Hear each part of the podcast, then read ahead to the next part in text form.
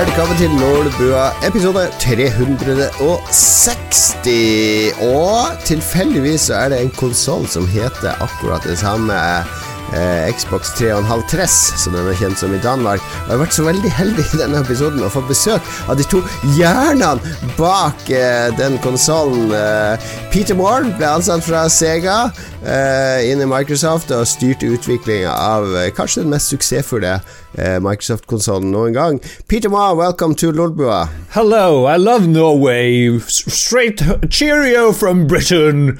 Glory old Britain. Hello. Would you like to see my arm? I still have that GTA tattoo, righto. Yes, lovely, lovely. I, I, we, we, I would like to see that afterwards. Maybe you could post a picture for all of viewers. But uh, you were not the only person behind uh, the Xbox 360. The bald guy with the hoodie and the skateboard, Jay Allard, uh, is still wearing the hoodie. I see. How are your skateboard uh, skills, Allard? Yeah, you're muted, uh, Mr. Allard. You're muted. You have to turn on your microphone. Uh, thank you for inviting me, John Cato. It's a pleasure to be here. Uh, sorry, I'm not new to Discord. Uh, it's it's uh, it's just a thing I forgot to do when I, I always mute my microphone because I do sick jams on my guitar when I'm waiting. But yeah, thank you, thank you for inviting me. It's good to be here. I still skate, you know. I can do some kick flips, some some 360s, you know, Some ollies and some, nollies. some ollies. Hello, I Jay. Yeah, hey, hey man, hey Peter, how's Yo, it going, man? yo. Hi, lovely times, bro. S- do Yeah. you- did you learn the difference between uh, soccer and uh, football yet? Yeah, only that soccer sucks, dude.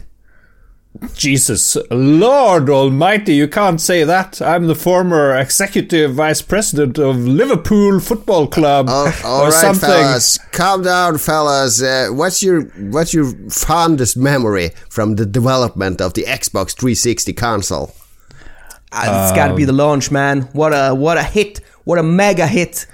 Everyone bought it. What a Yeah. sick console, man. We had no problems, no no rings. We only had it's there was no ring of death. That's a big lie. I tell you right now. Cheerio. Because that, that's the elephant in the room, isn't it? So, which one of you two uh, guys were responsible for uh, 90% of the consoles being called back with the red ring of death? That's a, that sounds like a made up number. Ninety percent. No way, man. I think we had like one point eight percent recalls or something Yeah, like that. yeah, that's true. At the most. At the most. Sh- Let me show you my new tattoo. It's it's of uh, it's you know the Beatles. Hey, hey, where did your accent go, man? I don't know. It's it's changing. Uh, but, uh, Mr. Moore, uh, uh, th- there's a rumor that uh, that Yes. um, Hello. that there's a rumor that uh, uh, Mr. Bill Gates forced you to tattoo a red ring of death on your anus uh, because of all the faulty consoles. Oh. Can you confirm or deny this rumor? Nasty rumor that one. Let me tell you, it came Are you about. suddenly Irish now, Mr. Moore? I had a bit of a stroke yesterday, so my accent keeps changing. Yes. Oh, good old Billy. Billy Gates. He's a good friend of mine from the olden times. Did you know he has Irish parentage? Yes. Melinda, what a lovely lady she is. We had a I've good heard, cuddle. heard that. Well, he's, he's recently divorced, unfortunately. I know, she's sleeping with me now, you know. I show her my red ring of pain up her anus. Yes, sorry, Bob. All right, all right. Thank you, guys. We're crossing into into lawsuit territory here. Thank you, It's great guys. to be. Og da, da Thank you. er Lars og, og Mats Hallo. tilbake. Wow, Wow. det Ja, ja. intervju vi fikk. For noen stor Jeg fikk bare sett dem rett før de dro på discorden her. Faen, hvor eh, sykt at du fikk eh, At vi fikk med de to. For en ære. Ja. Men jeg trodde vi skulle snakke masse om Xbox 360 i denne episoden. Det trenger vi ikke, fordi eh, faste lyttere vet jo at episode 323 Vi hadde en sånn countdown til lanseringa av eh, Series X. Ok, telefonen min reagerte ikke da. Den bruker alltid å reagere når jeg sier det navnet, Fordi Ja, ja. da tror eh, Da tror Siri at Hei, hva er det? Er det? Eh, eh, Skal jeg hjelpe deg med noe? Skal jeg hjelpe deg? Eh, hallo, hallo! Eh, men eh, nei, hun gjorde ikke det nå. Eh, vi hadde en nedtelling til PlayStation 5 og Series X-lanseringa. og da gikk vi gjennom alle konsollene som hadde vært før. Og vi har Stemmer. hele episode 323 er jo via til 360 og historikken rundt den. Vi kan ikke gjenta det nå. Ja. kom Det er for vi, tidlig. kom vi gjennom alle maskinene, for, eller For det Jo, ikke det. tør jeg ikke å si. Jeg mener vi faktisk klarte det. For en gangs skyld så gjennomførte vi. Ok, så bra. Ja. Vi sier det. Den ene gangen. Ja, vi sier det. Ja. Korriger oss gjerne. Men denne episoden her er ikke bare Nå har vi hatt litt 360-prat. Den er jo via til vår produsent eh, Annebeth. Ja! Anne-Beth, eller Anne-Beth, som hun heter. Hun var jo inspirasjon til den der Beth-sangen til Kiss, hvis den heter Jeg husker ikke helt. Ja, den uh, på 70-tallet. Den som Peter Chris skrev. But I can't come home right now. Jeg har ikke hørt den i originalen. mannen, eh, mannen til Annebeth sier det hele tida når hun roper 'nå er det Ja. middag', så sitter han og spiller 'Annebeth, I hear you calling', Ja. but I can't drop the controller now'. Ja, hun er jo kjæreste og samboer med en av de mer outrerte eh, lytterne av Lolbua-podkaster, han Joakim. Så ja. Stor shout-out til begge to.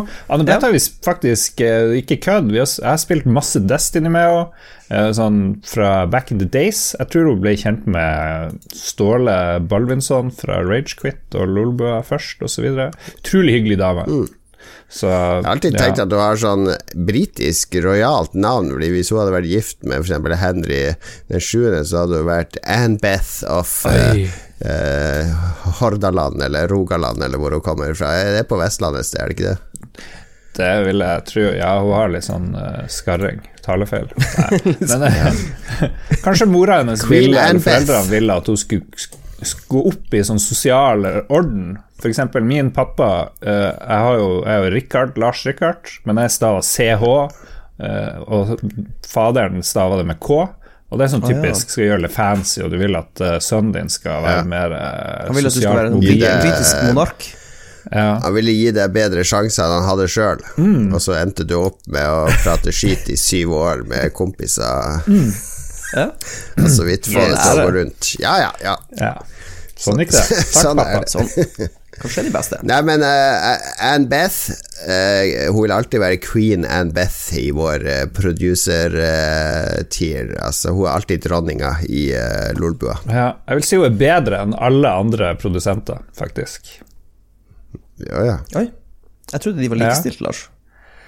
Vi er jo det på et vis, men hun er den eneste kvinnen, da, så jeg føler at det, det fortjener litt sånn litt. affirmative action, på et vis. Er det feil? Ja. Jeg trodde, jeg trodde det var likestilling som var eh, gjaldt nå i 2021. Ja, men du må drive med positiv rasisme for å liksom Vi vil jo uh, ha flere kvinnelige lyttere, flere kvinnelige produsenter og støttere på Patrion, så da må vi liksom gi litt de ekstra jernet, føler jeg. Ja, vil vi det? Har vi hatt dette møtet der vi snakker om at det er en målsetting? Hva er Lolbuas mål for 2021, Lars? Ja, jeg har jo lært at man skal ikke sette sånne veldig store mål. Du skal ha strategi, men du skal sette veldig sånne korte og konsise mål. Sånn, du, kan, du kan oppnå det innen eh, en uke. hvilke nøkkelresultater vil vi oppnå i, eh, i løpet av Q2 2021? Q2 2021 100 kvinnelige lyttere eh, nye. Så det vil si Ja, det er 101 ja, kvinnelige lyttere. Det er oppnåelig. Ja, jeg vil tro det. Så har, Ja. har kun fokus på hest, sminke um, er, er det rett måte å gjøre det på? Nå skjer det ut her. Nå, nå, nå tror jeg nøkkelresultatet kan vi se langt etter, Lars. Jeg bare kommer med Ok, ideer. la oss eh, elegant Jeg ikke- bevege oss bort fra Ja. det her minefeltet, Mats. Jeg støtter dette 100% Jeg satt bare her i stillhet og torde ikke å si noe, for jeg følte bare No, Non-committal, men du vet uh, silence is uh, compliance. Ja, det er sant.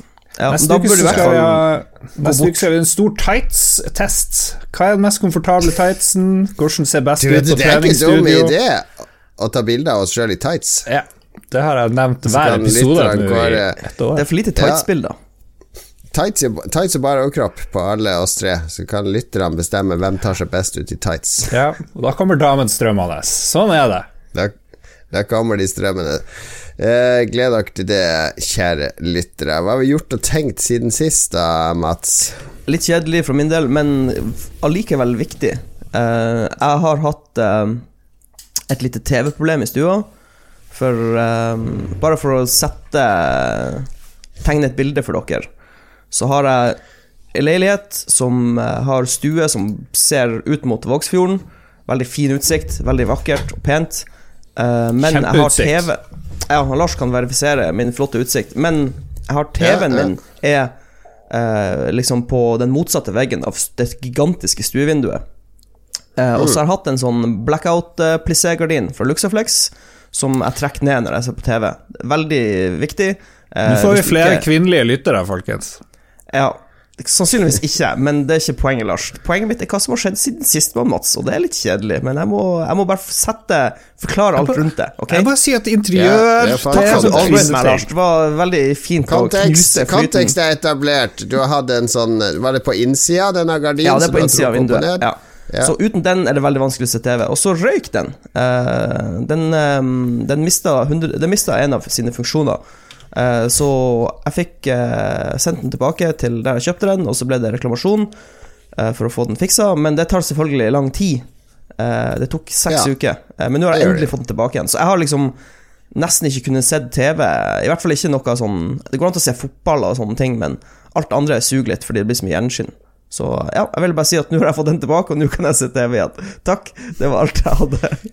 Ja, dette er jo interessant, fordi jeg har jo vært eh, Vi hadde en fyr her på befaring, fordi etter vi malte stua, så har jeg jo ikke orka å henge opp den stygge gardinen lenger. Tenkte nå skal vi få sånn der eh, elektrisk på utsida, Oi. sånn som Som- skjerme for sollys. Ja, Ikke, ikke det, det kalles ikke persienne, det kalles noe annet. Ja, det er heter liksom vel- sånn Du har utsyn, men samtidig så kommer det ikke så mye lys inn. ja. Eh, Foreldrene mine har sånn på, sånn på utsida, elektrisk, så du kan ta opp og ned, og det virker veldig bra for dem. Eh, Men du får også Ja. Eh, Du får også motor på disse, og det er en av de store tingene jeg angrer på. Fordi når jeg kjøpte den, så spurte han om jeg ville ha med motor. Så tenkte jeg sånn Nei, det går, jeg trenger ikke det. Det er bare å ta handa opp og dra den ned. Men i ettertid så skulle jeg jo 100 hatt motor på den, fordi for det første så er den bak fort. Nei, den er bak Ja. eh, sofaen, ikke sant, så jeg må enten Ja. Jeg må enten stå i sofaen, eller så må jeg gå på baksida av sofaen hvor det er veldig trangt. Så eh, ja. Ja, ja. Du vil ikke ha 30-40 ekstra unødvendige skritt Nei, eh, ikke sant? i døgnet når du kan sitte i lenestolen din og trykke på en knapp i stedet. Yes. Det, Altså toppen av dekadens, basically. Ja, det er det. Nei, vi har vært og sett, eh, fått befaring på å ha sånn på utsida av vår stue. Tenkte vi kan ha det i andre etasje òg, på det soverommet der. Få sånn prisoverslag.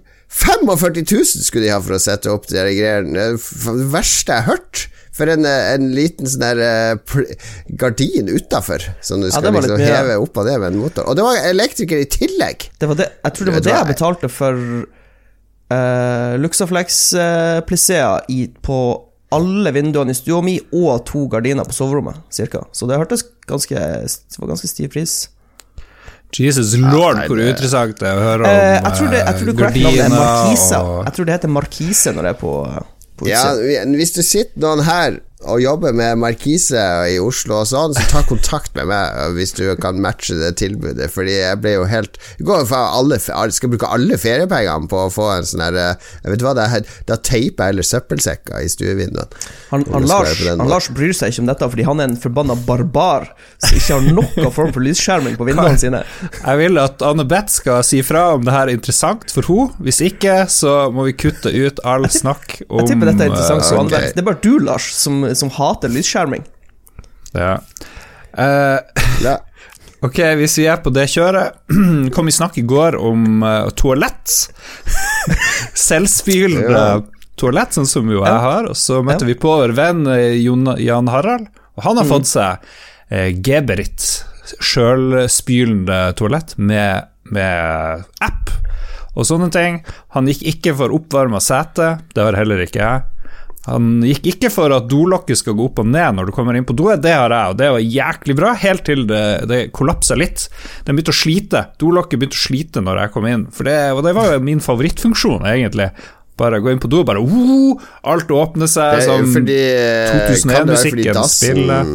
Hæ? Dassen har en sånn AI i seg Ja. da, som har lært at hver gang du kommer trampende inn der, så er det bare Å, herre Jesus, nå skal det fylles opp til de grader her.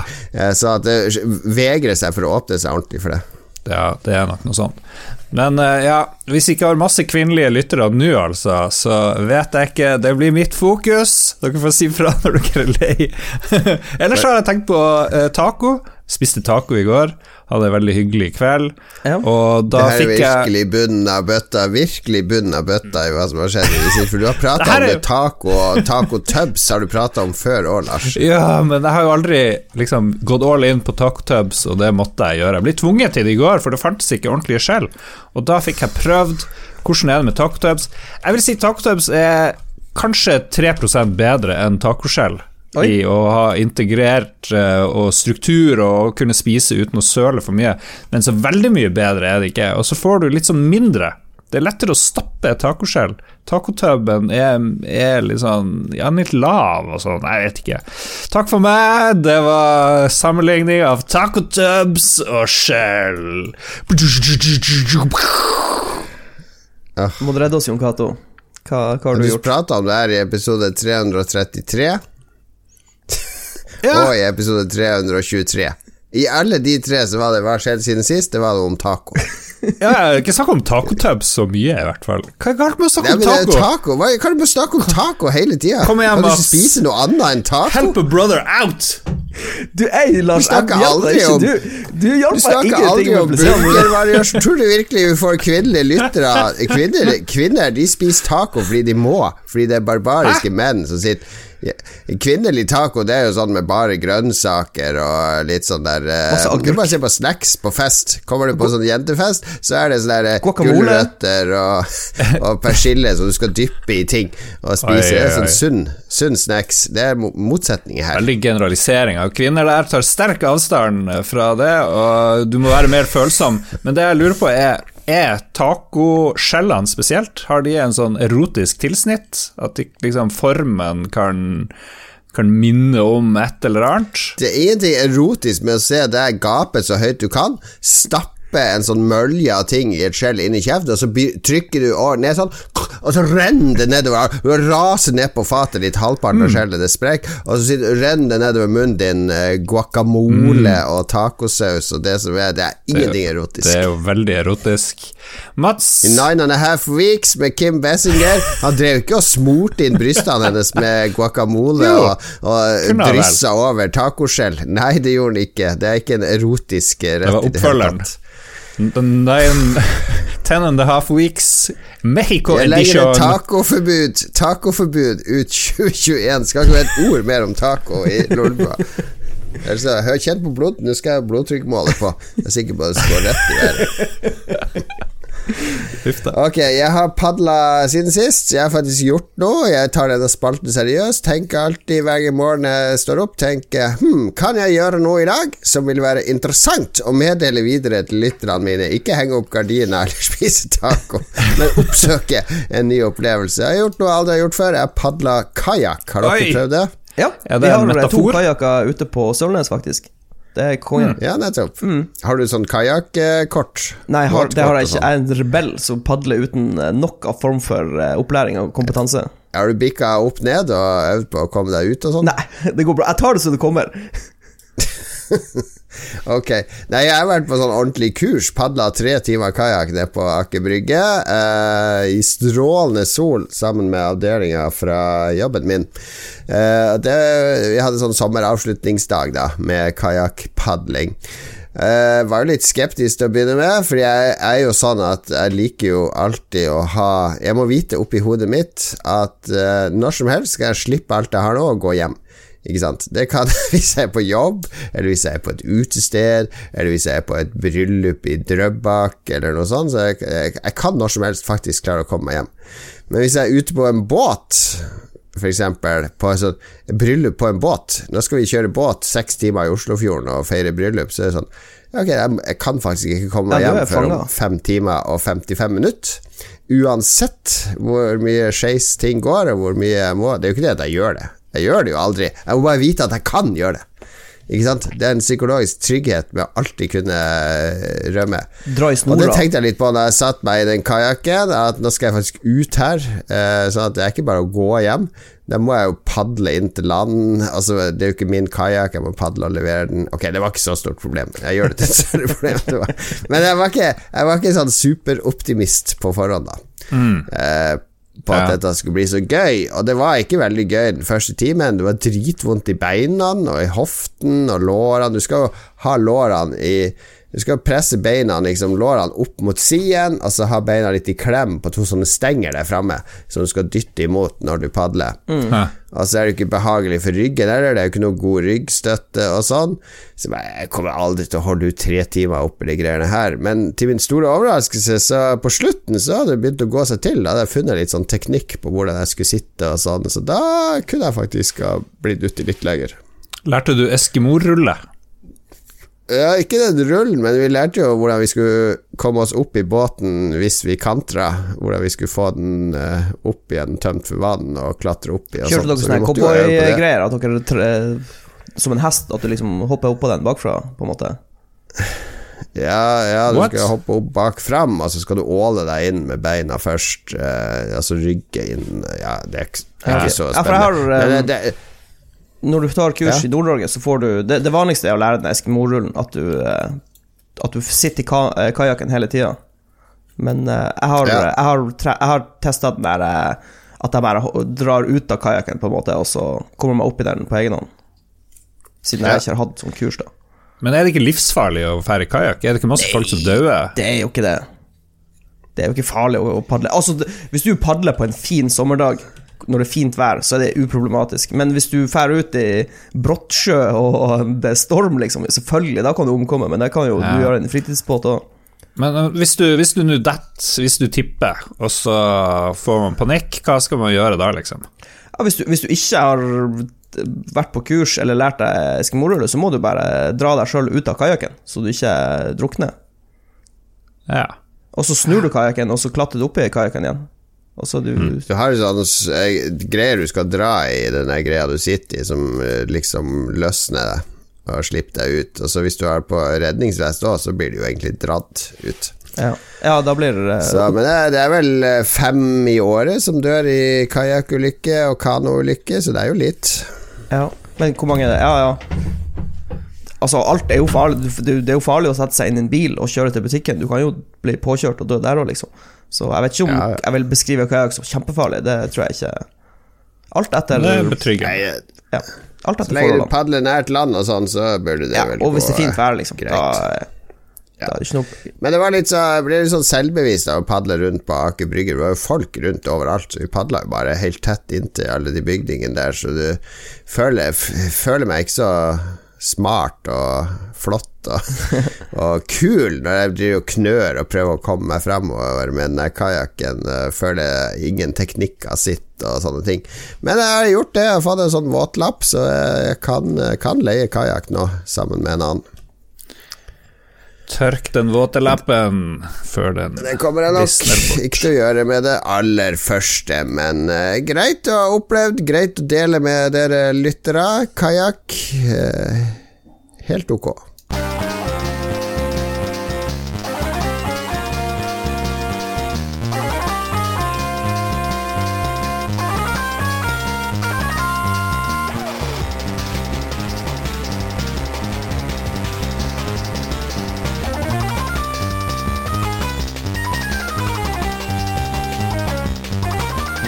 Da skal vi til vår første eh, faste nye spalte, der vi går gjennom spillårene fra 1972 og frem til i dag. Vi har kommet kjempelangt. Vi har kommet helt til 1974, folkens. Oh. Eh, Fremdeles ikke født? dere som er født? Nei.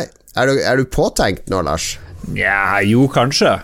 Det vil jeg tro. Jeg tror foreldrene mine har funnet til sammen, og så om to år så blir det Smell det. Eller ett år, så blir det Vill sex, for jeg er født i 76 i februar, så da må du jo Ja. banga i 75. unnfanga i 75. Ja. Mats, dine foreldre er bare tenåringer fortsatt? Um, ja Ja, faktisk. Ja, Vent litt, vent litt, ble litt krøll med lyden her. De er fortsatt eh, Hodetelefonen slo seg av. Sånn. Foreldrene mine er fortsatt tenåringer, og eh, min storesøster er fortsatt eh, ganske mange år unna, så det er ikke, det er ikke på tide ennå med Johansen-slekta. Har ikke så mye å bidra med i denne med. spalten. Jeg var jo to år. eh, Jeg gikk jo på barneparkering, som det het. Akkurat der som Grottebadet i Harstad, det var min eh, barnehage eh, oppå der. Det var en parkeringsplass på, på nordenden der, og så var det et lite gjerde, og der var vi. Og jeg husker jeg hadde tre, tre bestekompiser i den barnehagen som jeg fikk ganske fort. Det var Ola og Trygve og Jon. Jeg aner ikke hva mer de heter. Når du er to år, så er jeg ikke så opptatt av etternavn, da. Men jeg husker fortsatt de tre navnene og hvordan de så ut. Og Olav var litt sånn bølle, husker jeg. Han var en sånn tøffing som jeg så opp til, mens Jon var veldig trygg. Eh, Men du det mener at du barnehagen- husker da fra da du var to år? Det er jo litt spesielt. Jeg husker i hvert fall fra den bardagen, men man var to eller tre eller fire, det, det flyter jo litt over. Men det jeg husker, var at hvis du gjorde noe galt Han Ola gjorde ofte noe galt, og jeg gjorde det også av og til, så var det jo straff i bardagen Det er det ikke nå til tida. Men det husk, det, de voksne de ble tatt inn hvis du lekte ute og gjorde noe som var langt over streken.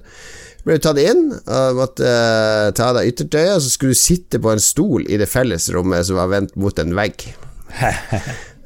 Ja, Alene der, i mørket. Som Eh, Blair husker Witch-greier på gang her. jeg har gjort det et par Jeg, måtte gjøre det jeg òg et par ganger, og det føltes som man satt i den stolen i en time eller to. Det var sikkert bare ti minutter, eller noe sånt, fem minutter.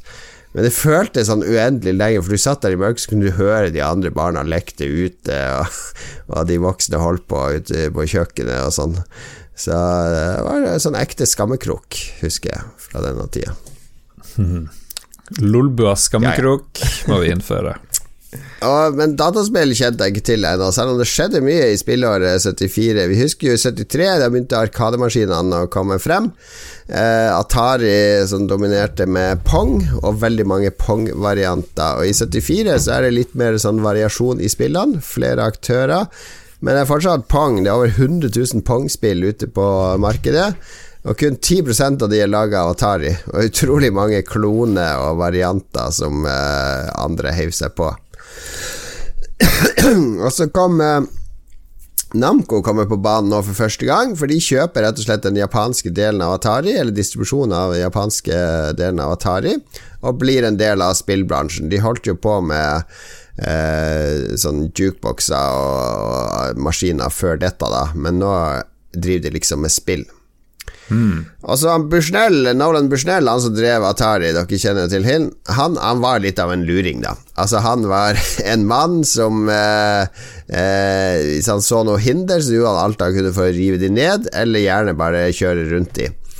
Så eh, en av utfordringene med å være sånn eh, distributør her, var at mange som Atari lagde maskiner og skulle selge til, de forlangte eksklusivitet. Ikke sant? Ja, vi kan kjøpe så og så mange, men dere ikke selge til konkurrenten vår. Så for å omgå det, så tok Bushnell og snakka med naboen sin, og fikk naboen til å lage et selskap som heter Key Games. Og så lagde Atari ga de spillene sine, så bare lag kopier av disse, så kan vi selge til de andre òg. Og og så går inntektene jeg, jeg passer på inntektene våre.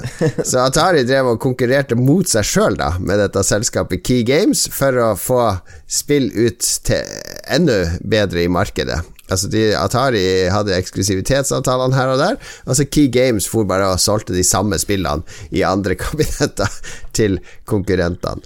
Men så etter hvert så ble jo Key Games uh, kjøpt av Atari, da, så det var liksom en sånn sidebusiness.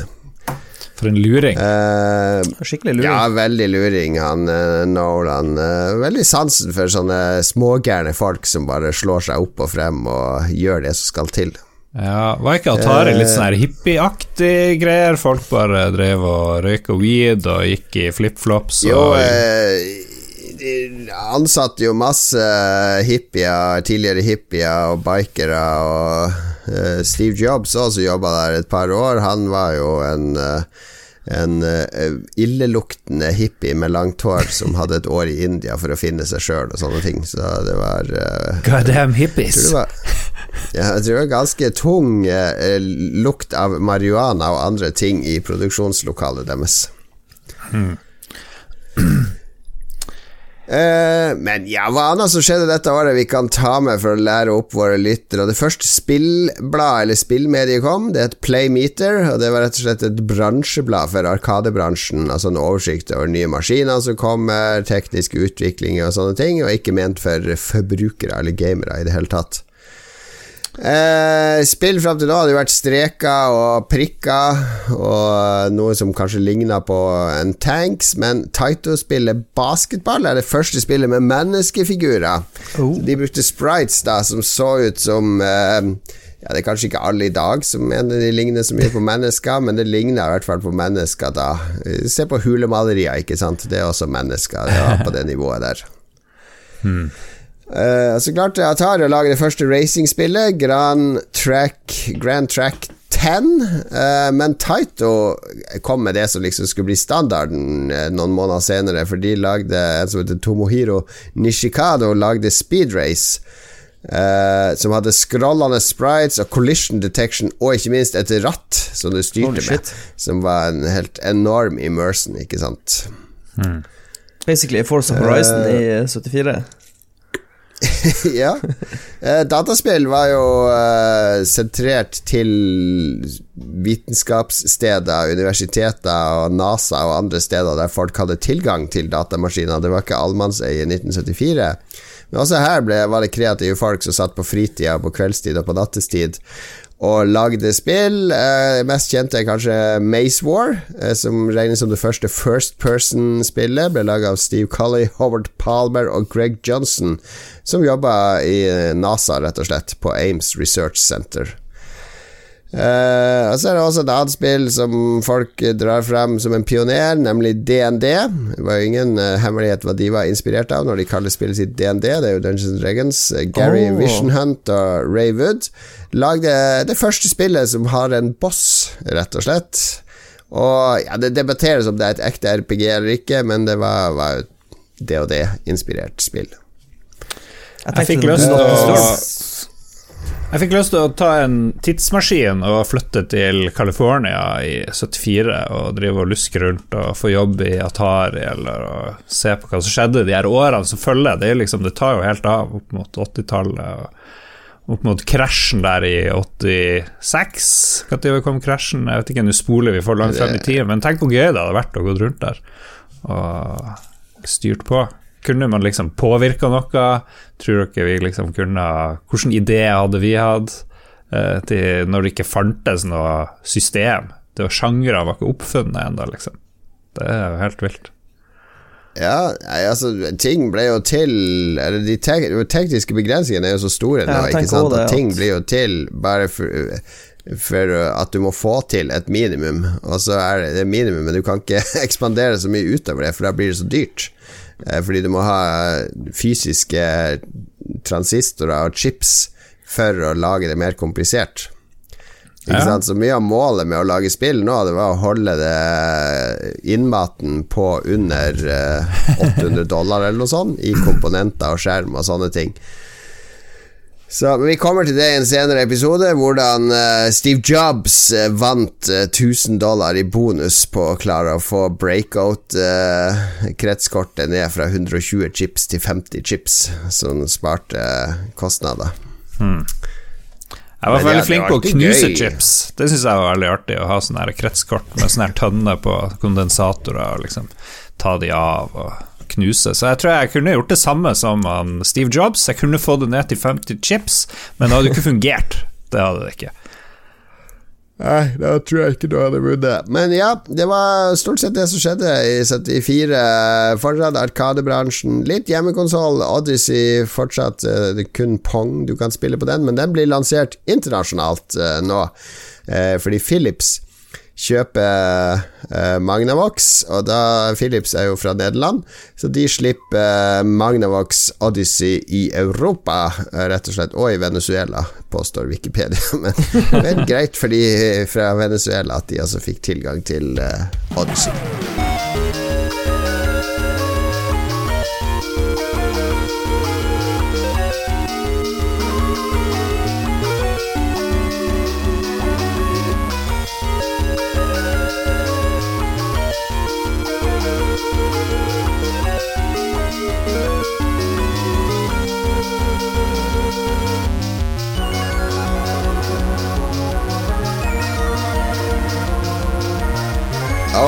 Right. Men fra 1974 til 2021. Mye har skjedd siden den tid, vi har spilt noen relativt ferske spill, alle tre.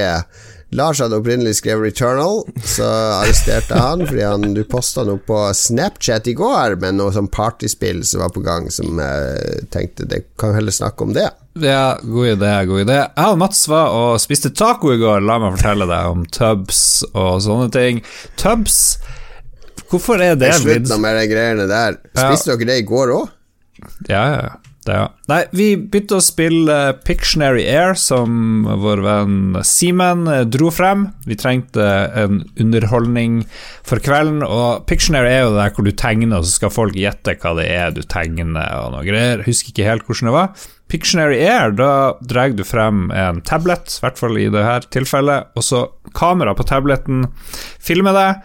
Og så kan du paire det her med TV-en, sånn at alle ser deg sjøl og det du tegner, og så har du en sånn lyspenn som du bare tegner med i lufta, og så ser kamera på det var vel en eh, iPad Pro Ja, sånn der. farge. Ja. Og så får du oppgaver. Du, du har bare fysiske kort, sånn som vanlig. Og så har du fem ting du skal tegne, og så har du en viss mengde sekunder, så må du klare å tegne det. Og det er jo så vanskelig. Jeg husker Edderkoppnett. eh, Fikk han Mats i oppgave å tegne. Ja, Noen tegna noen tegner en hals, og det som er bra med Pictionary Air, er at du kan bruke deg sjøl, fordi han filmer både det du tegner i lufta, og deg sjøl. Så hvis du tegner en, et instrument, og så lurer folk liksom Ok, hvilket instrument er det? Og så bare gjør du sånn. Du bare spiller med fingrene og liksom viser Du mimer litt. Du kan liksom mime med det du tegner, og da Mm. blir det plutselig mye lettere å tegne. Men det, da får du òg en helt annen et helt annet perspektiv på oppgavene. Det blir en sånn interaktiv eh, Ja. sak, Og så blir det fort veldig morsomt når folk feiler Ja. spektakulært i å tegne noe. Jeg husker han, han Jan Harald skulle Han hadde regnskog, og så tegna han, han ei buska. Og så tegna han en sånn regnsky som regna, og så vi bare Hm, ok Tre Er det tre? Er det regnskyer? Det regner. Det regner, det regner på trærne. og så tegna han flere busker, og så skrev han et plusstegn. Vi bare Nei, hva er det her, liksom? Vi, vi skjønte ikke at det var regnskog han skulle frem til. Men det var jo Ja. morsomt i ettertid. Det er utrolig morsomt. Så får, du sånne, så får du veldig rare ting, og så tror du at det her skal du klare. Det var en som prøvde å tegne skatt. Det var ikke så lett. Og, så, også, og, og noen sånn veldig enkle ting kan bli vanskelig. For eksempel, jeg fikk strikk, og så tenkte jeg sånn ja, hmm, Hvordan skal jeg tegne en strikk? Så tegner jeg bare en sånn litt sånn sirkel, liksom, og så prøvde jeg liksom å mime at jeg dro i, dro i strikken. Men det skjønte jo ikke folk i det hele tatt. Så ja, veldig morsomt. Mm. Utrolig gøy. Kan anbefale Pictionary Air. Funka overraskende bra, eh, vil jeg si. Og jeg føler at eh, Det som er litt morsomt med Pictionary Air og den der lyspenna, er at jeg tror det ehm, balanserer ut litt tegneevne, for det er ganske vanskelig å tegne med den penna. Så jeg tror liksom om du er dårlig eller om du er flink å tegne, jeg tror ikke det har så mye å si. Den der penna der nuller ut alle, så alle stiller på, på bar bakke, liksom. For det er, så, det er så annerledes å tegne med den. Ja. Ja. Nei, det handler jo mer om intelligens, nesten, og hvordan å formidle at du har en plan i hodet ditt, på en måte. Og, ja. Ja. Men ja, det var veldig Ja, morsomt. men morsomt uh, partyspill, da. Ja. Perfekt for Ja, kvinner det, og kvinnelige lyttere. Ja, dette var inkluderende, Lars. Nå appellerte du til alle, også de som ikke er sånn veldig For jeg kan alle spille, selv om de ikke kan «Øh, Jeg spiller aldri dataspill! Aldri, aldri, aldri røre dataspill! Dette ville selv folk som er i den kategorien, klare å være med på. ja. Veldig bra. Mats, hvordan går det med deg? Det du, du har kost deg på med masse demoer på Steam? Stemmer det. det. Jeg så bare helt tilfeldig at Steam hadde en sånn event som de kaller for Next Fest, hvor de har masse hundre demoer av spill som ikke er kommet ut ennå. Eh, Så tenkte jeg hm, det var jo litt interessant, så trykka jeg meg inn, og så var det bare helt sjukt mange spill. Eh, Og så brukte jeg bare den der Steam har jo en sånn fancy algoritme, så han kom med en sånn boks ganske høyt oppe med spill han anbefalte til meg. Og da kom han med noen anbefalinger, og så tenkte jeg bare sånn Ja, dette ser jo ikke verst ut. Um, det var ett spill som het uh, Wartales, uh, som er et sånn uh, uh, mercenary manager-spill, hvor du, eh, du skal liksom eh, styre et kompani med leiesoldater eh, til rikdom og ære og heder. Eh, det testa jeg litt. Jeg testa ikke det så mye, det, men det virka interessant. Jeg tenkte bare dette har jeg lyst til å spille mer, så jeg venter litt med det. Og så var det ett spill som het Death Trash, eh, som også så helt amazing ut. Det er sånn pixel-RPG. Eh, og jeg trodde først, ved første øyekast tenkte jeg å, dette er enda en sånn pixel-rogelike. Eh, men det viste seg at nei, det er faktisk ikke en rogelike. Det er et straight up eh, action-RPG med masse historie. Eh, og det så helt amazing ut. Eh, det gleder jeg meg veldig til. Eh, det er um, ganske sånn unik setting. Det er um, en sånn fremtidssetting. litt sånn cyberpunk-aktig setting, men det er også litt sånn her cosmic horror-tema, fordi det første som skjer i spillet, er at du blir kasta ut av et sånn trygt habitat som er under bakken, fordi de mener at du er smitta. Eh, og, så, og, så, kommer du ut på overflata, og så er det litt Madmax-aktig med litt sånn cyberpunk-tema. Og så er det bare det er masse kjøttklump overalt. Det driver og vokser sånn kjøtt opp av bakken. Og så er det sånne svære, skumle kjøttbeist og eh, noen mennesker som klamrer seg sammen i eh, sånne små landsbyer. Og, og, så begynner det å åpne seg sakte, men sikkert en story. Så det, det spillet fikk jeg kjempelyst til å spille videre. Så det måtte jeg nesten bare lukke ned og bare vente på at eh, Jeg la det til på Wishlist og venter egentlig bare på at det skal komme. Mm, så det var, virka yeah. veldig kult. Eh, og så testa jeg et spill vi snakka om under E3-sendinga, den ene E3-sendinga vår. Et sånn eh, eh, utforsknings-open world-spill som heter Sable. Som yeah. har eh, litt sånn eh, kul, eh, kul grafikk. Ser ut som sånn fransk tegneserie fra 1987, eller noe sånt. Oui. Ja, Det er kjempeforhåpninger til, men det er jo kun pga. visuelle stilen. Så jeg aner jo ikke hvordan gameplay hadde det noe for seg. Uh, ja, altså det ja, mersmak, men det var, det var, et par ting jeg stussa litt på. Uh, det ser veldig kult ut, jeg liker det visuelle. Uh, og så er det ganske um, gans, Mye fin musikk. Musikken likte jeg veldig godt. Men de har gjort én ting som jeg er litt ikke helt stolt på.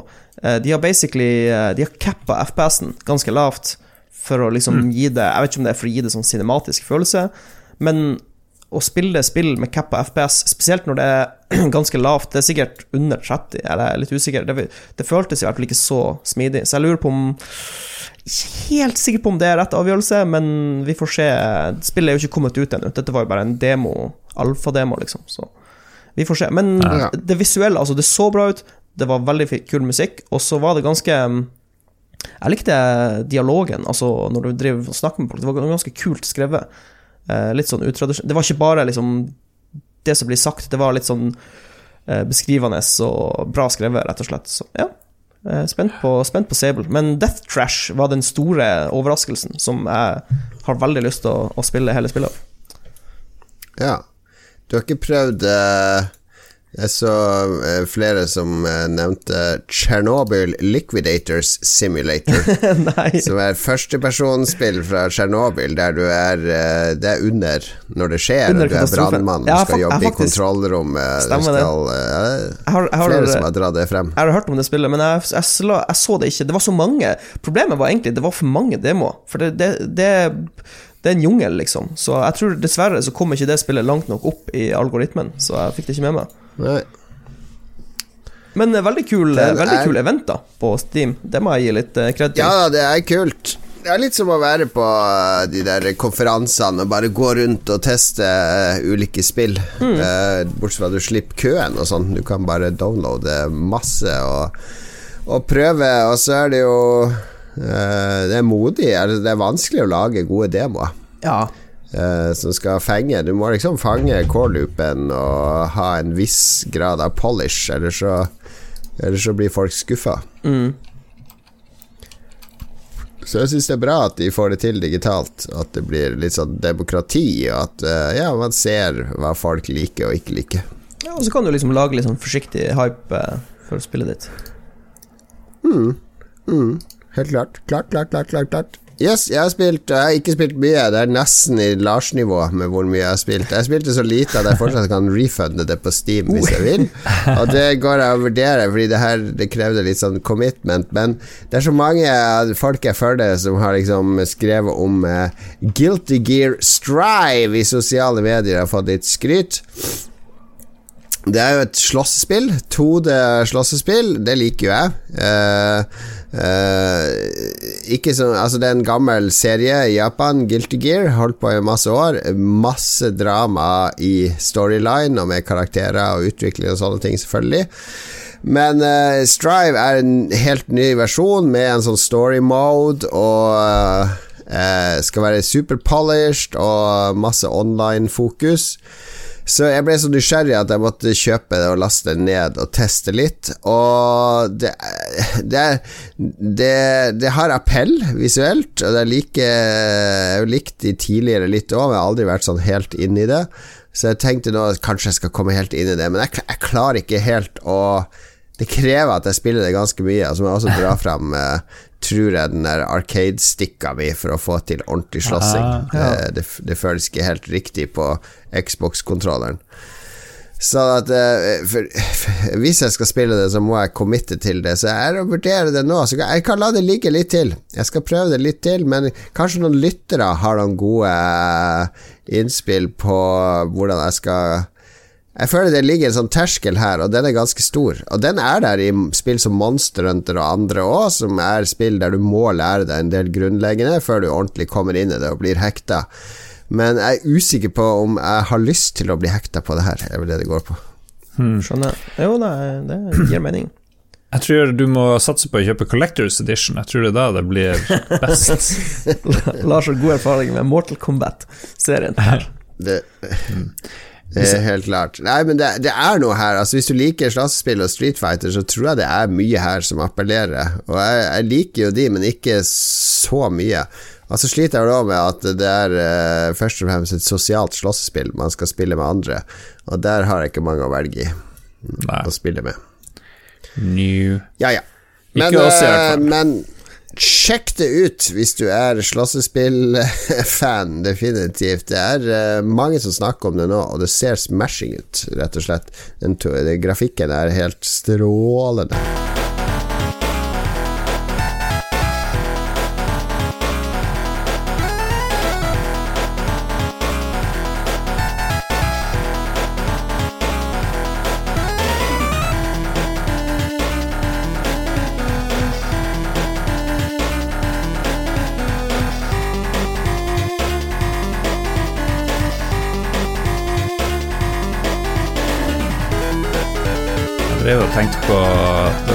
X-Men-slåssespillet som de hadde på Spiderman, eller hvordan en greie i Oslo der.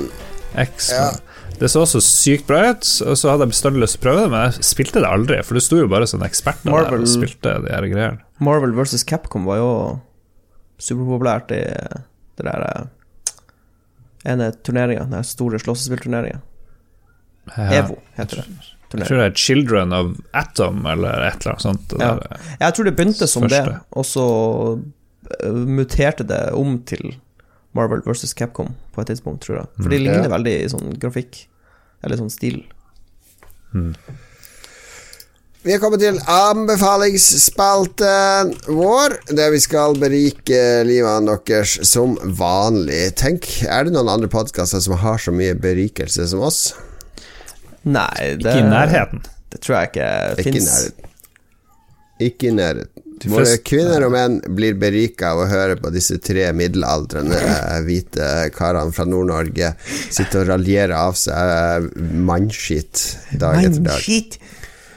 Du er en artig observasjon fra sidelinja, men jeg, be, jeg begynte å si sånn der nordnorsk uh, uh, uh, Sånn der tjukk L. Litt sånn ufrivillig. Ja. Ja, den fins jo ikke i Harstad, egentlig. Der er det ikke så Nei, mye men tjukk elg. jeg, jeg er jo ikke fra Harstad lenger. Det er lenge siden jeg har vært i Harstad. Så det er en eller annen måte å holde meg til min nordnorske identitet. For vi har, I Oslo har vi to sånne der, uh, Foodora, og så har vi et selskap som heter Volt. Og jeg sier konsekvent Volt uh, i stedet for Volt. Jeg kan, jeg kan ikke bestille mat fra Volt. Det er valgt Du er fra Reykjavik-lia. Ja, men det er, jeg får sånn skikkelig lyd. Og så har ungene mine òg begynt å herme etter den lyden, så de også sier valgt Ja, men det er bra. Volt. Ja. Altså et fnugg av nordnorsk støtte, 100 Ja, jeg er enig. Jeg er enig, jeg er stolt av det. Men eh, anbefalingen, eh, Lars, skal du begynne denne gangen? Jeg skal anbefale alt jeg har vært stumla over av han Vernor Vinge, er i hvert fall gull. Han er en kis som forfatter, født i 44, klarer å lese her, og han har vunnet masse priser, og så nå driver jeg og leser en sånn her eh, ny serie av han, som eh, jeg tror heter Zones of Thought som begynte med Fire Upon the Deep, og så er det Deepness in the Sky, og der er jeg nå. og det, det, Den serien henger litt i hop, men det har liksom ikke så mye hverandre å gjøre. Det. Jeg tror ikke det har noe å si hvordan, hvordan Det er ikke en ny det er. serie. Den første boka kom vel i 92, liksom. Ja, ja.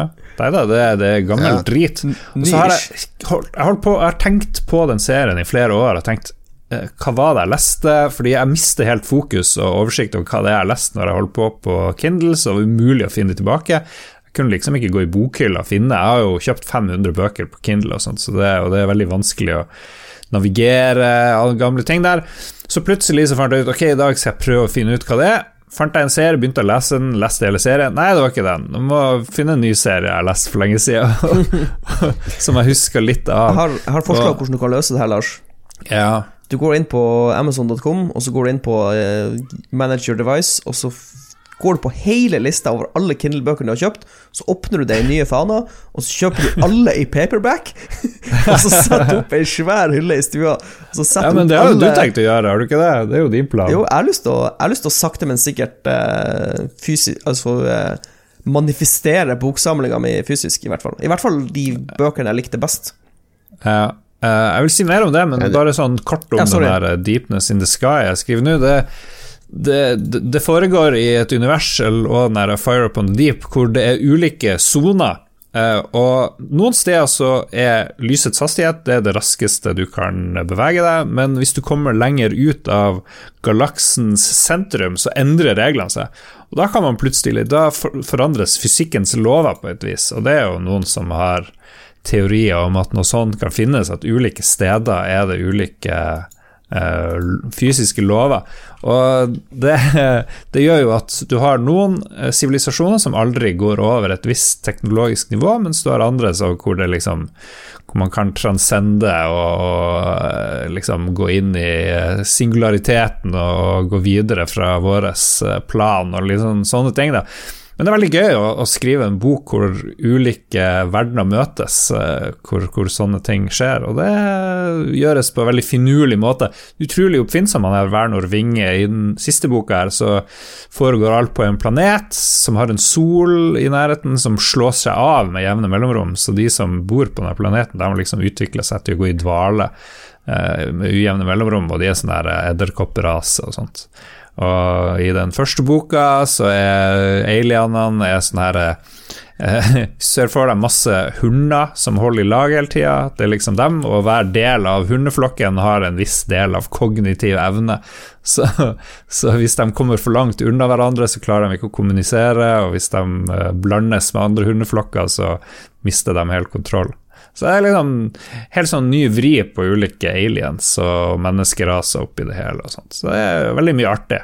Mye artig å lese fra den her oppfinnsomme fyren. Ja, jeg har le jeg lest den første boka der, jeg husker det, men det var den som fikk meg til å fatte mitt dogme om at skal jeg lese sci-fi, så skal det være i overskuelig framtid, ikke 100 millioner år inn i framtiden, der baby. eh, hunderaser og sommerfugler og whatnot eh, kan Altså fys fysikkens lover ikke gjelder lenger og sånn. Nei, det blir, det blir For meg blir det for fjernt. Det er mer fantasy enn sci-fi. Ja, ja, ja.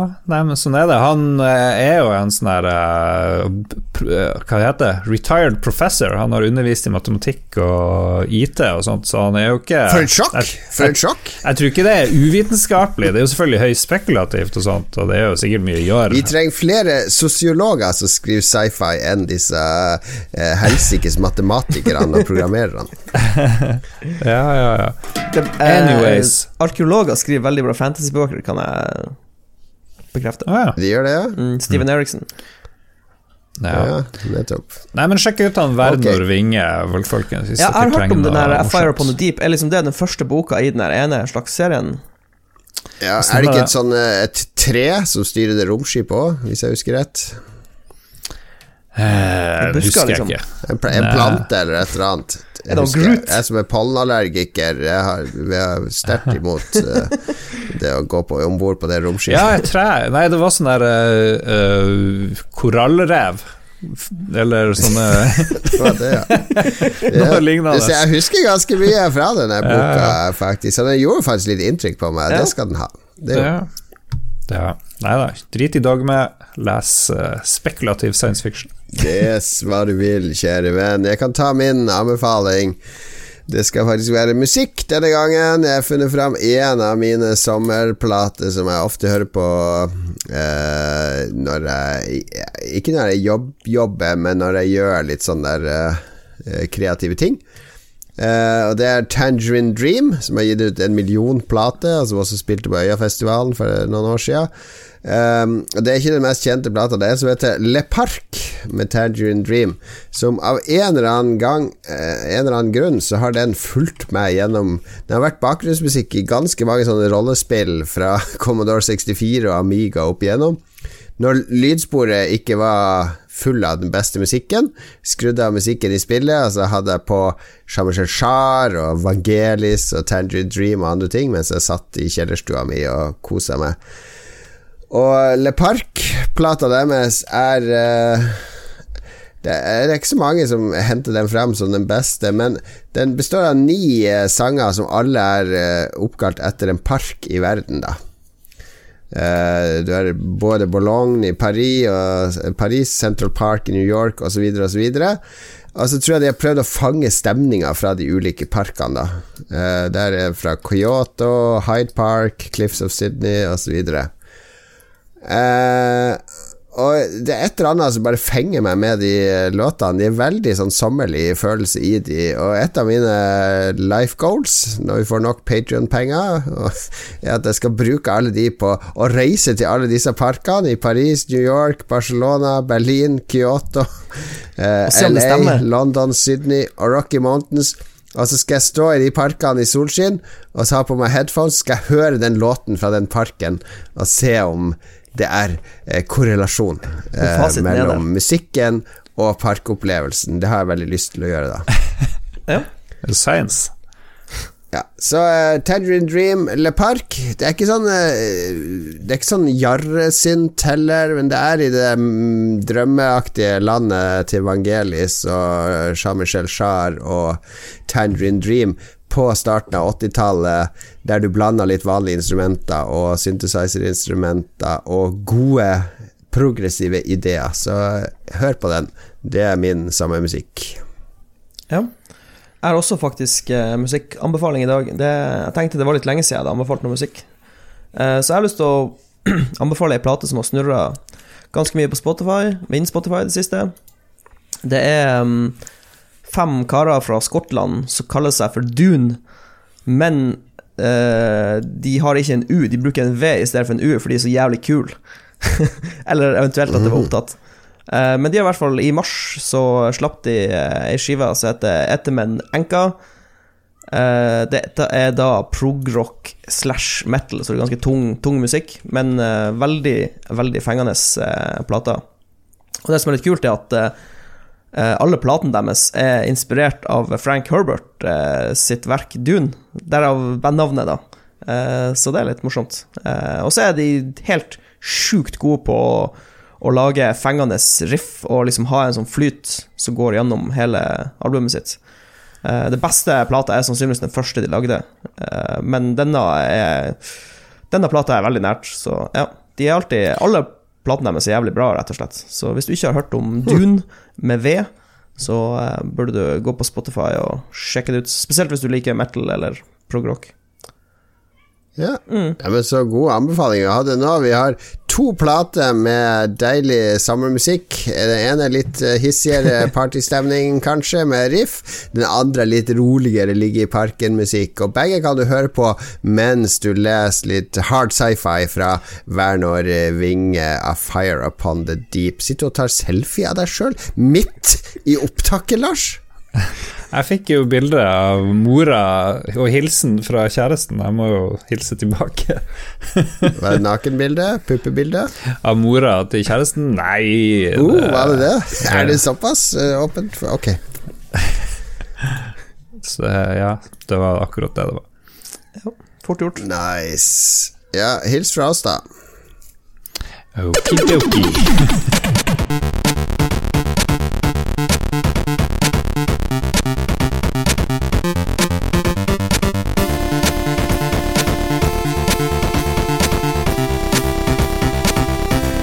jeg skal gå og plukke et Starlet, eh, karer. Er klar for oh, en ja. personlighetstest? Er lenge siden Let's, sist. let's go.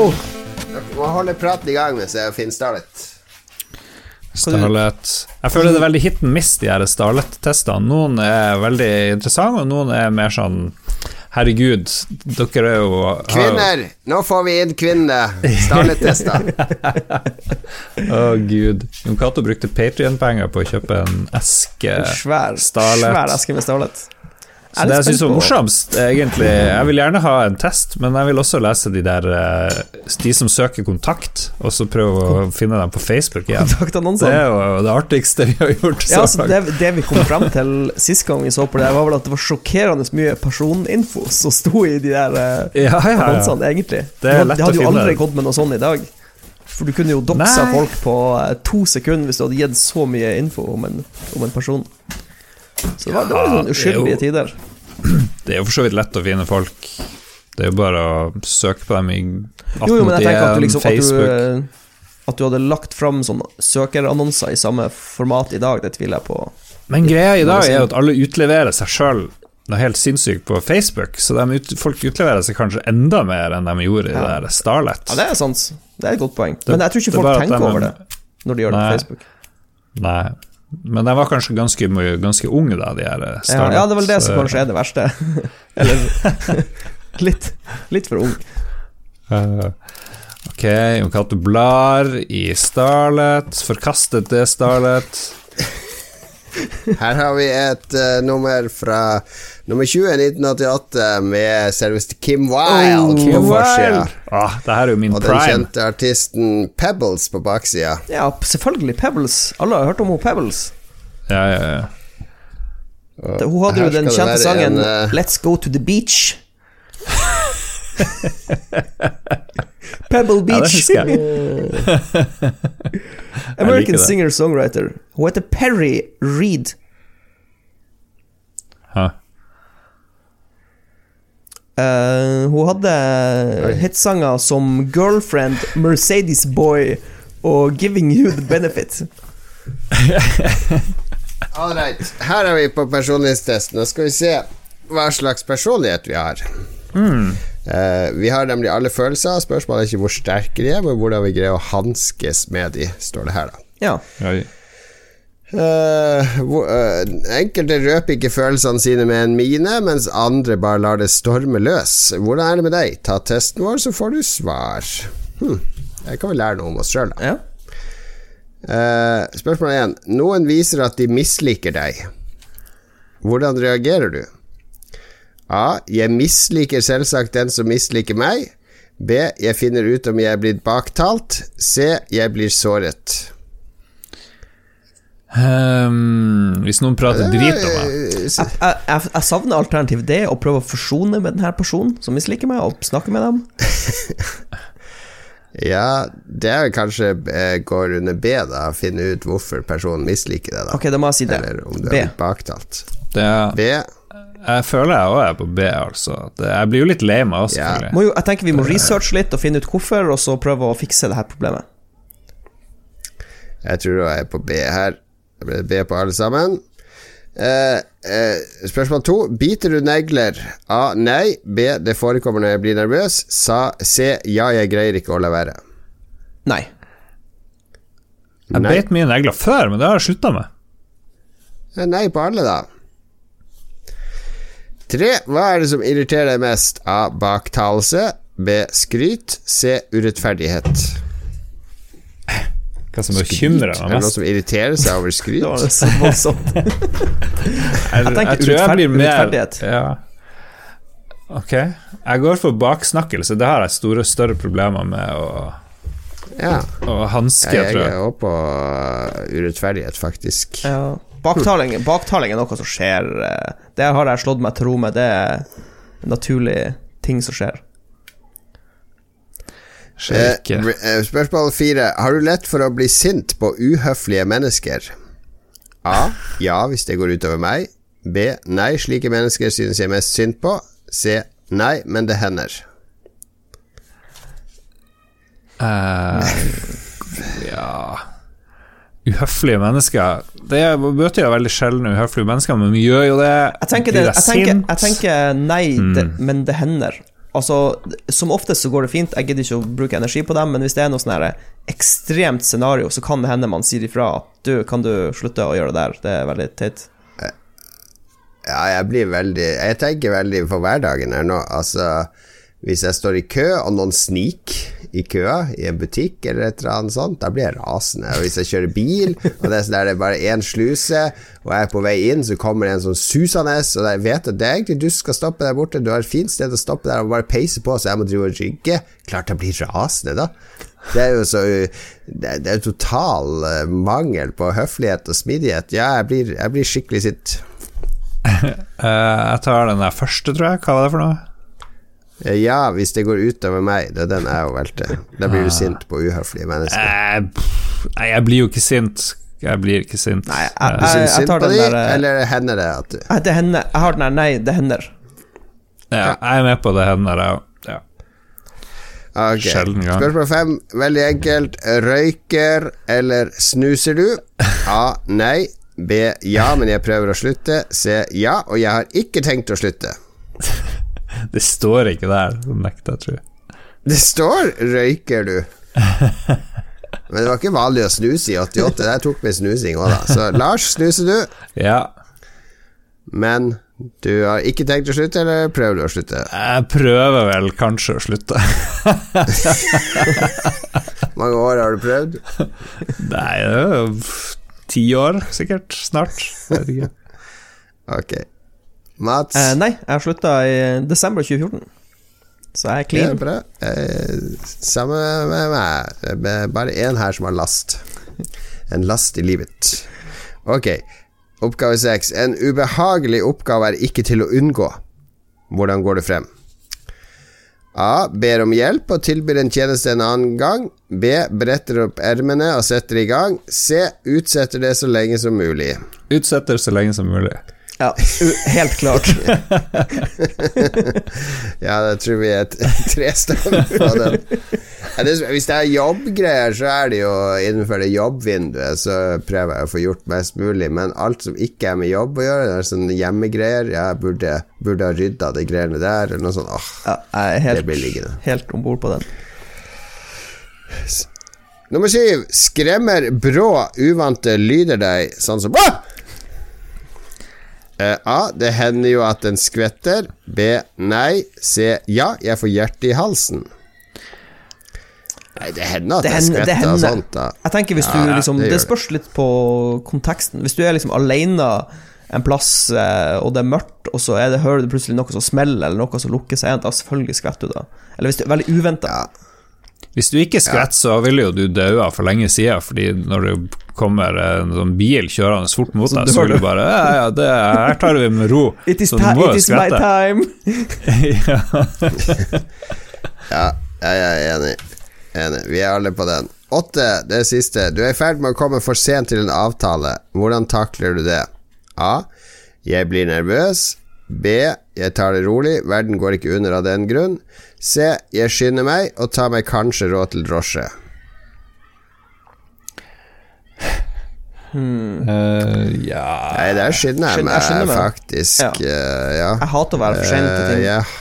ja, det gjør jeg òg. Jeg, jeg er ikke sånn person som kommer for seint til avtaler, rett og slett. Jeg kommer litt for seint, jeg må innrømme det.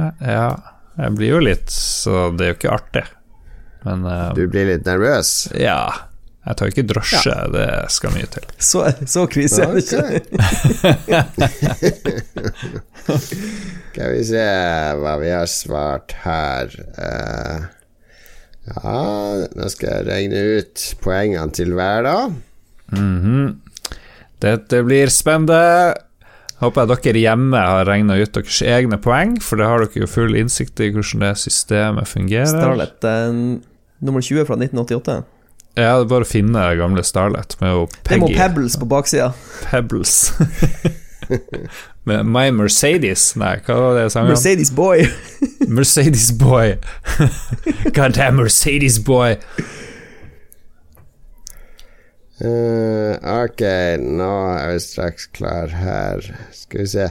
Lars, du har da fått én, fire, fem, åtte, elleve, 14, 19 Hvorfor ringer Lolbua Central plutselig?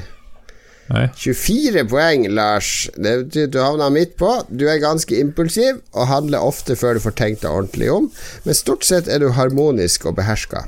Bruker du store ord og grov kjeft, har du også grunn til det.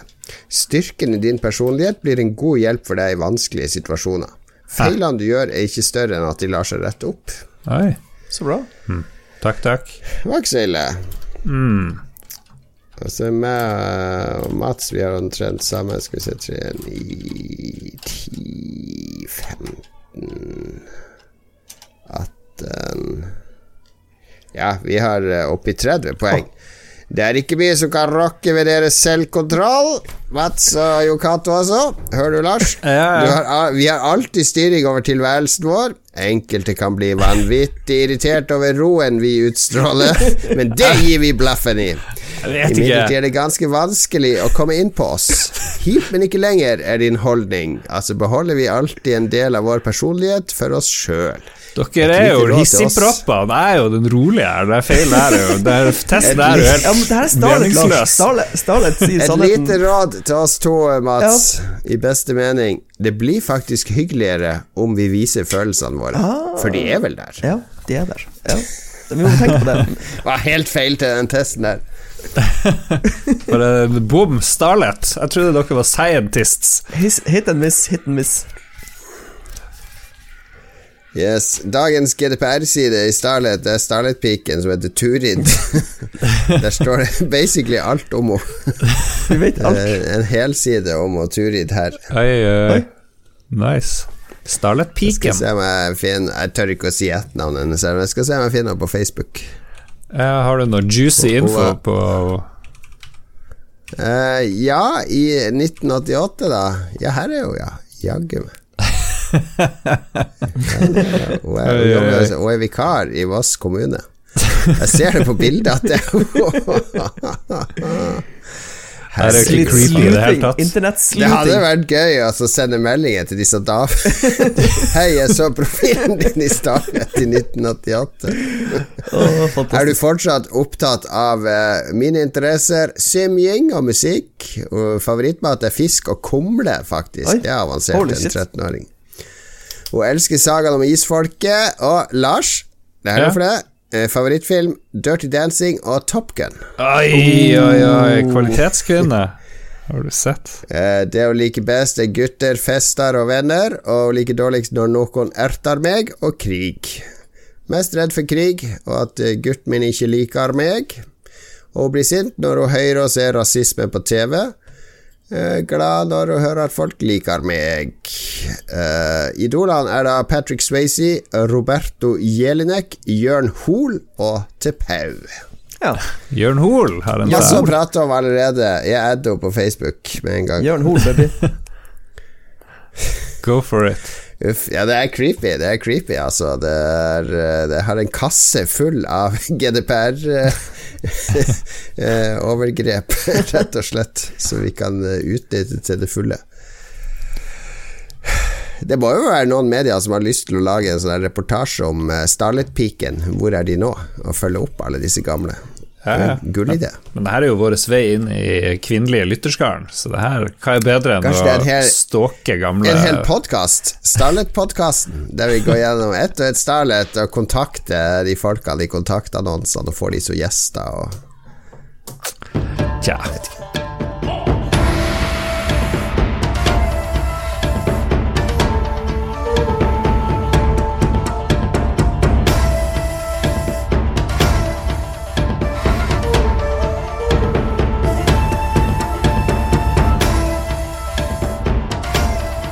Da var vi ved veis ende. Når Eller har vi noen lytterspalter? Ja, vi har spørsmål vi ikke har svart på tidligere, som jeg har klart å spare okay. frem. Litt sånn throwback. Ok. Det her er en måned eller to eller et eller annet tilbake. Hvor mange griller har vi, spør vår venn Ståle Baldvinsson. Jeg har to. Jeg, jeg, Jeg har én. har to? Eller tre? To? Hvorfor har du to? Nei, grillen ble gammel. Kanskje vi skulle lage veldig mye mat på en gang? Jeg vet ikke. Jeg, Men har, har du noe mer enn den kulegrill kulegrillen liksom, som vi bruker når vi Nei, jeg har to kulegriller. Å ja. Ja, ja. Men det er en ja, ja. ja. Jeg, jeg er bare én. Men han, eh, min fetter han har en sånn Hesten Blumenthal liten bærbar grill, som Oi. egentlig var ganske kul. Som man kan ta med i park og sånn. Så Den ønsker meg den litt, selv om jeg ikke jeg er jo ikke noen griller. Ja, jeg vil heller ha en sånn liten bærbar pizzaovn som får sånn 500 grader, Ja, etter at han Mats og andre har snakka om det. Mm, Det høres litt kult ut. Det er jo egentlig en grill, nesten. Ikke. nesten. Nei, skaff deg- men du har jo sånn veranda, Lars, der du godt kan lage en eh, ordentlig pizzaovn med, med vedfyring inni og sånn. Ja, ja. Det er bare å bygge, Lars. ja da. Må Gjør det, gjør det. Gjennomfør det. Mm. Magnus, er det Hvis de her persiennene mine koster 40 000, så koster det sikkert bare 400 000, så uh, do it. Jeg kom på, eh, Jon Cato, jeg husker før på TV så var det sånn her eh, rekla konstant reklame for Kjells Markise. Eller de sponsa sånne TV-program og sånn. Så du må snakke Ja, vi skal faktisk ha de på befaring Ja. til uka, bare for Jeg å få et nytt tilbud. Jeg tipper Kjells sine Markise er billigere. Garantert. Vi får se. Jeg skal holde dere oppdatert. Åndeløs spenning blant lytterne rundt uh, gardinene, markisene mine. Hva sier han Magnus, da? Magnus Ede Sandstad sier bare 'jabba dabba du'. Jeg tror det er en Lars-referanse. Jebbedabbedu. Helt riktig. Han Espen Fulem, hva syns dere om at Nintendo selger en Link-amibo som gir deg eksklusiv tilgang til fast travel i Skyward Sword? Hadde Sony eller Microsoft gjort dette, hadde det jo blitt ramaskrik. Okay, da eh, Vet noen av dere om fast travel bare er tilgjengelig, eller kan du låse det opp i spillet på et vis? Eh, yeah, Uten den Amiboen? Skal vi se Jeg fant en artikkel på Nintendo Life. For hvis det er ingen måte å låse det opp i spillet bare med å ha den Altså, du må ha den Amiboen, da er det jo super fucked up. Men hvis det Amiboen bare er en snarvei, og at du slipper å gjøre en ting i spillet, så er det jo sånn yeah. Eh, Det er en sånn impro Det er vanlig fast travel som var i det originale spillet òg, og så har de laga en Amiibo som gjør at du kan eh, fast travele når som helst du vil. Ja Hvorfor ikke? ikke? Det er jo litt gøy. Jeg vil vite, jeg vil vite hva de kvinnelige lytterne syns om akkurat det her spørsmålet. Ja. Skriv til jonkatolonsen.gmail.com. Ja, ja, men jeg vet ikke om hva de lokker De gjorde det med Breath of the Wild òg. Hvis du skal ha Epona-hesten, så kan du kun få den via en Amiibo. Eh, litt sånn randomly. Men det er jo masse andre hester i spillet òg, så det er jo ikke essensielt. Men det her er jo ikke en funksjon som var i det originale spillet heller, så at, eh, det, er jo, det er jo ikke en funksjon som var en del av spilldesignet, sånn som jeg har sett det. Nei. Jeg vet ikke jeg, har ikke jeg kjenner at jeg har ikke sånne kjempesterke tanker om, om det. Nei Det Altså, ja. Nei, vi får ta det når det kommer. Se om det blir ramaskrik da òg. Ja, men spørsmålet er jo kom, Kan slippe Nintendo unna med ting som Sony og Microsoft ikke slipper unna med? Det er jo kanskje interessant. Ja, det, det er jo Ja. faktisk ganske fair. Det var kanskje det som var mer spørsmålet hans. Og det tror jeg faktisk kanskje er tilfellet. For du ser jo De har jo hatt mange av de her eh, spillene som har blitt liksom uh, sluppet i sånn samling som koster sånn 500 kroner. Altså gamle spill som blir sluppet på nytt igjen til sånne her superstive priser. Det tror jeg kanskje de har sluppet litt De har, de har fått litt kritikk for det, men de har sluppet ganske billig unna, føler jeg. Ja. Bjørn Bjelland lurer på hvem vi, parentes Jon Cato, er mest flau over å ha i redaksjon, og hvor er det blitt av kvinneandelen? Og neste spørsmål fra han Marius Alnes Sletten er vår favoritt Nintendo Core-band. Jeg vil vite hvem Jon Cato er mest flau over å ha i redaksjonen. det er jo interessant. Ganske ekkelt spørsmål, må jeg si. Eh, ja Kast, uh, Ja, ja. ja, han, han spør basically at han Jon Cato skal kaste en random fyr i redak eller dame i redaksjonen Ja, under bussen. nei, men uh, den jeg er mest kritisk til, er jo meg sjøl. Det går jo i hva jeg sjøl sier mest. Men han spurte om mest flau, ikke mest kritisk. Ja, Ja, ja han det, jeg blir jo flau av meg sjøl. Jeg blir flau når folk på jobben min sier at de hører på Lolbua. For jeg tenker at det er bedre at dere ikke ser den sida av meg. Så det er jo faktisk meg sjøl. Ja, ok, ja. Det siste holder vi på å jobbe med. Ja.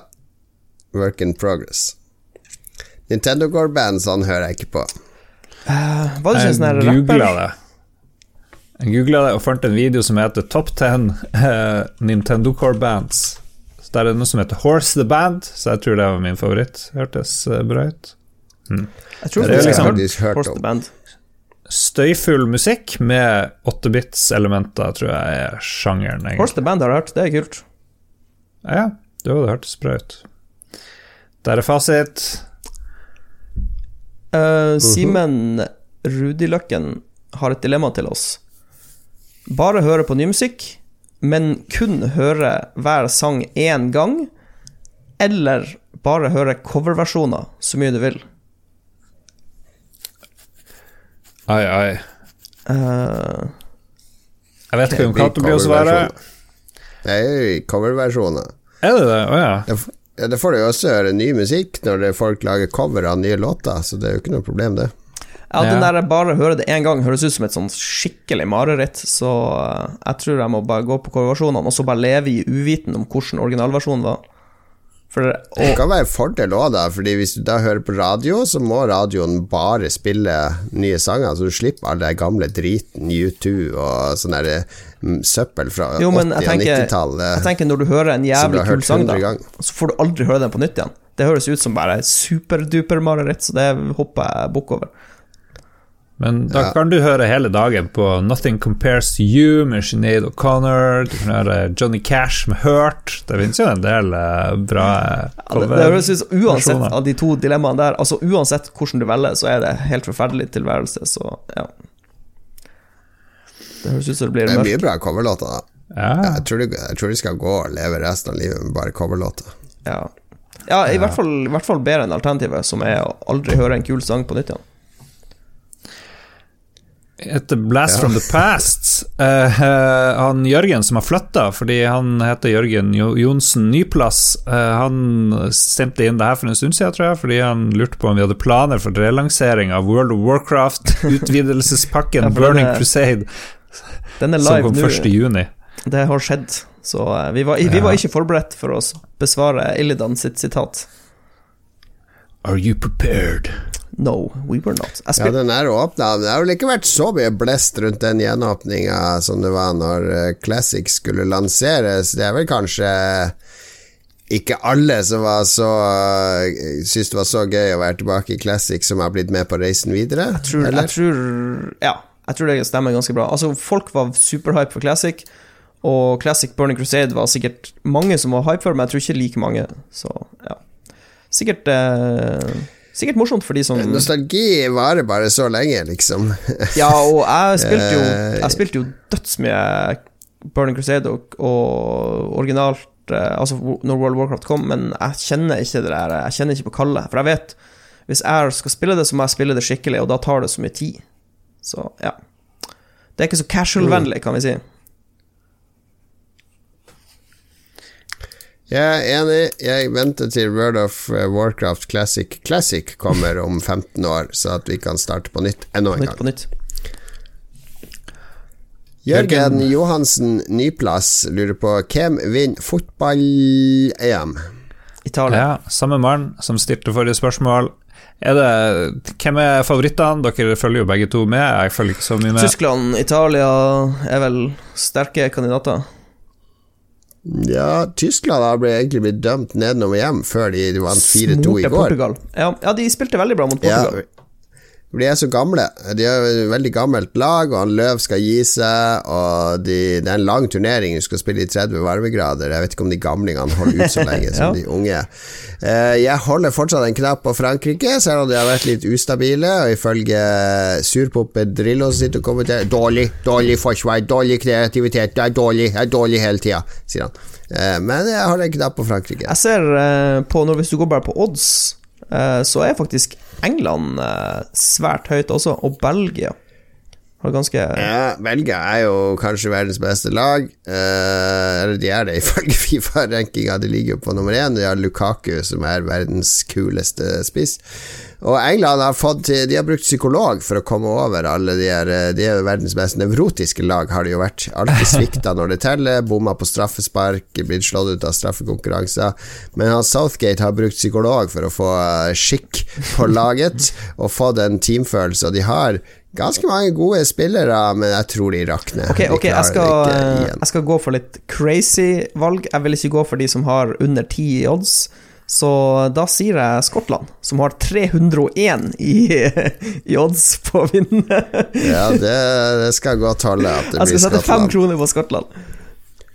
De klarte 0-0 mot Jeg England på Wembley, og det er ganske Jeg bra. fikk et poeng der. Jeg tror Finland vinner. Sterk åpning. Ja. De vant mot Danmark etter at en dansk spiller eh, vel døde i noen minutter på banen, så det var, var veldig dramatisk. Men de gjorde det vel bra i andre kampen òg. Ja, Hvem de spilte mot da, det fikk jeg ikke med De meg. Ja. gjorde vel det, gjorde Russland ikke? Eh, Vi har jo alle finske aner, så jeg føler at eh, noen må heie på dem. Ja. ja, De fikk jo annullert et mål mot Russland, da, så de tapte jo 1-0. Det var det som skjedde i den kampen. Uh, helvetes var. Altså, det irriterer meg grønn det at målene skal kvalitetssjekkes før de kan godkjennes. Og til slutt så spør Frode Oppsal et veldig rart spørsmål om narkohelvete, og hvordan man rekrutterer arvepengesterke gamere til det her narkohelvetet. Det Ja, Har vi, har vi hatt det før? Eller jeg vet ikke, jeg fikk sånn der ja det hørtes litt kjent ut. Det, Ja. det, det høres litt kjent ut. Så jeg henviser til tidligere svar om at spill er vel nummer én årsak til at folk havner i narkohelvete. Det er jo det. Så det har vi gått dypt inn på tidligere. Men det kan også samtidig redde folk ut av narkohelvete. Det er veldig kaotisk. Veldig spesielt. Det er store sammenhenger. Det er en kjente Dagbladet-overskrift om Stoltenberg, der han forfalska legitimasjon, røkte hasj og spilte dataspill. Det var de tre eh, negative tingene han hadde gjort i ungdomstida. Vi må takke produsenter, siden vi nærmer oss slutten. TT, MXMP, big, big shout-out. Kobrakar84, også kjent som Kenneth. Duke Jarlsberg. Anne Betz, som denne sendinga er dedikert til. Jarle Pedersen, Stian Skjerven og Øystein Reinertsen, som alle har fått episoder oppkalt etter seg i eh, den siste måneden. Og eh, takke alle våre generelle Patreon Alle som støtter oss på Patreon. Absolutt. Ja, alle som gidder å høre på i det hele tatt. Ja, det er jo sånn inflasjon i podkastene og Jeg skjønner ikke at folk har tid til å høre på alt. De har jo ikke det. They don't. Er det er, Ærlig spørsmål til dere lyttere. Er podkast en slags uh, valium? Altså bare noe som holder i ekte tanker og vonde følelser på avstand? eller, eller er det noe dere bruker for å berike og, og bruke det med måte? Kan man bruke for mye podkast? Altså ti timer podkast i døgnet for å slippe å tenke sjæl? Er det en diagnose? Snakker vi om en folkesykdom? Bør vi ringe FHI? Jeg Kan bare spør. smitte? Jeg har, jeg har spørsmål, jeg har ikke svarene. Jeg bare spør. Du vil ikke ødelegge festen? Ja, min mor mente Min far hadde alltid på radio. Det første han slo på om morgenen, han hadde på radio i alle rom han oppholdt seg i. Eh, også når han så på TV, så hadde han gjerne radio på ett øre. Eh, med sånn hodetelefon. Og hun mente at han eh, måtte Han takla ikke stillhet. Han takla ikke å være alene med sine tanker. Han måtte ha noe i bakgrunnen hele tida. Ja, ja. Nei, men jeg kjenner meg litt igjen i det. Jeg har det veldig sjelden helt stille. Det er mye podkast på gang. Det er det. Og hvis ikke jeg leser Hvis skal jeg høre noe, så leser jeg et eller annet. Det er ofte mye sånn. Du sitter ikke bare av og til og ser ut vinduet i stua med Når det er helt stille i stua. Har ikke du en sånn meditasjonstime på morgenen eh, fremfor dine nye eh, gardiner? Har du trukket de helt opp? Sitter naken i lotusstilling en time, Mats, og ser ut på Vågsfjorden og Ja. samler energi? Uten tvil. Du takler stillheten. Ja, jeg syns det, jeg kan, jeg synes det er ålreit med litt stillhet av og til. Ja, jeg syns òg det. Ser du den personlighetstesten vår, Mats? Vi er like som to dråper vann her, bortsett fra prisa på gamle Nintendo-spill. Men jeg, altså, jeg, har sittet og tenkt litt på det, og uh, det er jo generelt en trend. Altså Du ser det jo Det er jo ikke bare på Altså Ting blir billigere over tid, rett og slett. Så vi er rett og slett bare fundamentalt Ja. uenige på det, på en måte. For du ser det jo på Steam. Det er jo mange Ja, som venter med å kjøpe spill på Steam, for de vet at det blir billigere hvis, hvis du bare venter litt, på en måte. Så det er jo bare en sånn ting. Ja, jeg er enig, men hvis du vet at det ikke blir billigere, så venter du jo ikke. Nei. Det er jo det Nintendo har skjønt. Våre spill blir aldri billigere, så det er jo bare å kjøpe de. Men det er jo sikkert en eh, Altså det er jo det er jo garantert en fyr som har sittet med Excel, og så har han sett på salgstall, og så har han funnet ut at hvis vi selger dette for X, så tjener vi mest mulig penger. Det er garantert det som har skjedd, da. Ja, ja, ja. Ja, men Nintendo er så ute, de bruker jo ikke Excel. De har jo så vidt internett. De har jo alltid vært utdatert. Det er nok bare en gammel samuraikode fra 1890, når selskapet ble oh. oppretta. Our playing cards will never be cheaper! Never cheaper with Nintendo playing cards! Og så har de en fyr med sånn abakus som flytter sånn Nintendo-farga Ja, kule frem og er- det er tilbake. regnskapsavdelinga til Nintendo. Åpner opp døra der, så er det bare sånn enorm lyd av sånn Av sånn der kule som rasler frem og tilbake på alle regneapparatene. Ja, der har vi fasit. Peter Moore innom sendinga igjen, faktisk. Det var spennende. Begynte å jobbe i Ja, Nintendo. det ble, det ble vanskelig der, for jeg skulle egentlig ha sånn asiatisk dialekt, og da, da, da går det over i farlig territorium. Det er farlig. det blir cancel culture med en gang. Ja, det, så jeg torde rett og slett ikke. Men mer om det i neste episode. Da skal jeg prate om uh, Om Home of the Whopper, som, som har spåna en veldig rasistisk stereotyp i bilen min. Men det får vi høre mer om i episode 361 av Lolbua. Vi må takke for oss her og nå. Takk for at du hører på. God sommer videre, og så eh, ses vi snart. Ha det. Ha det bra. Vi ses.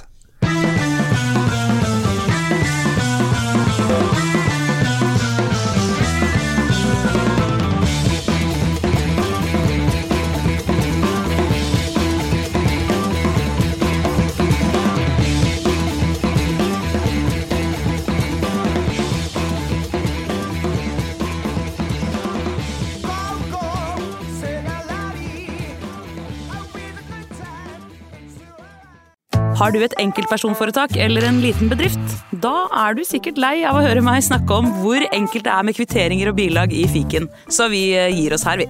Fordi vi liker enkelt. Fiken superenkelt regnskap.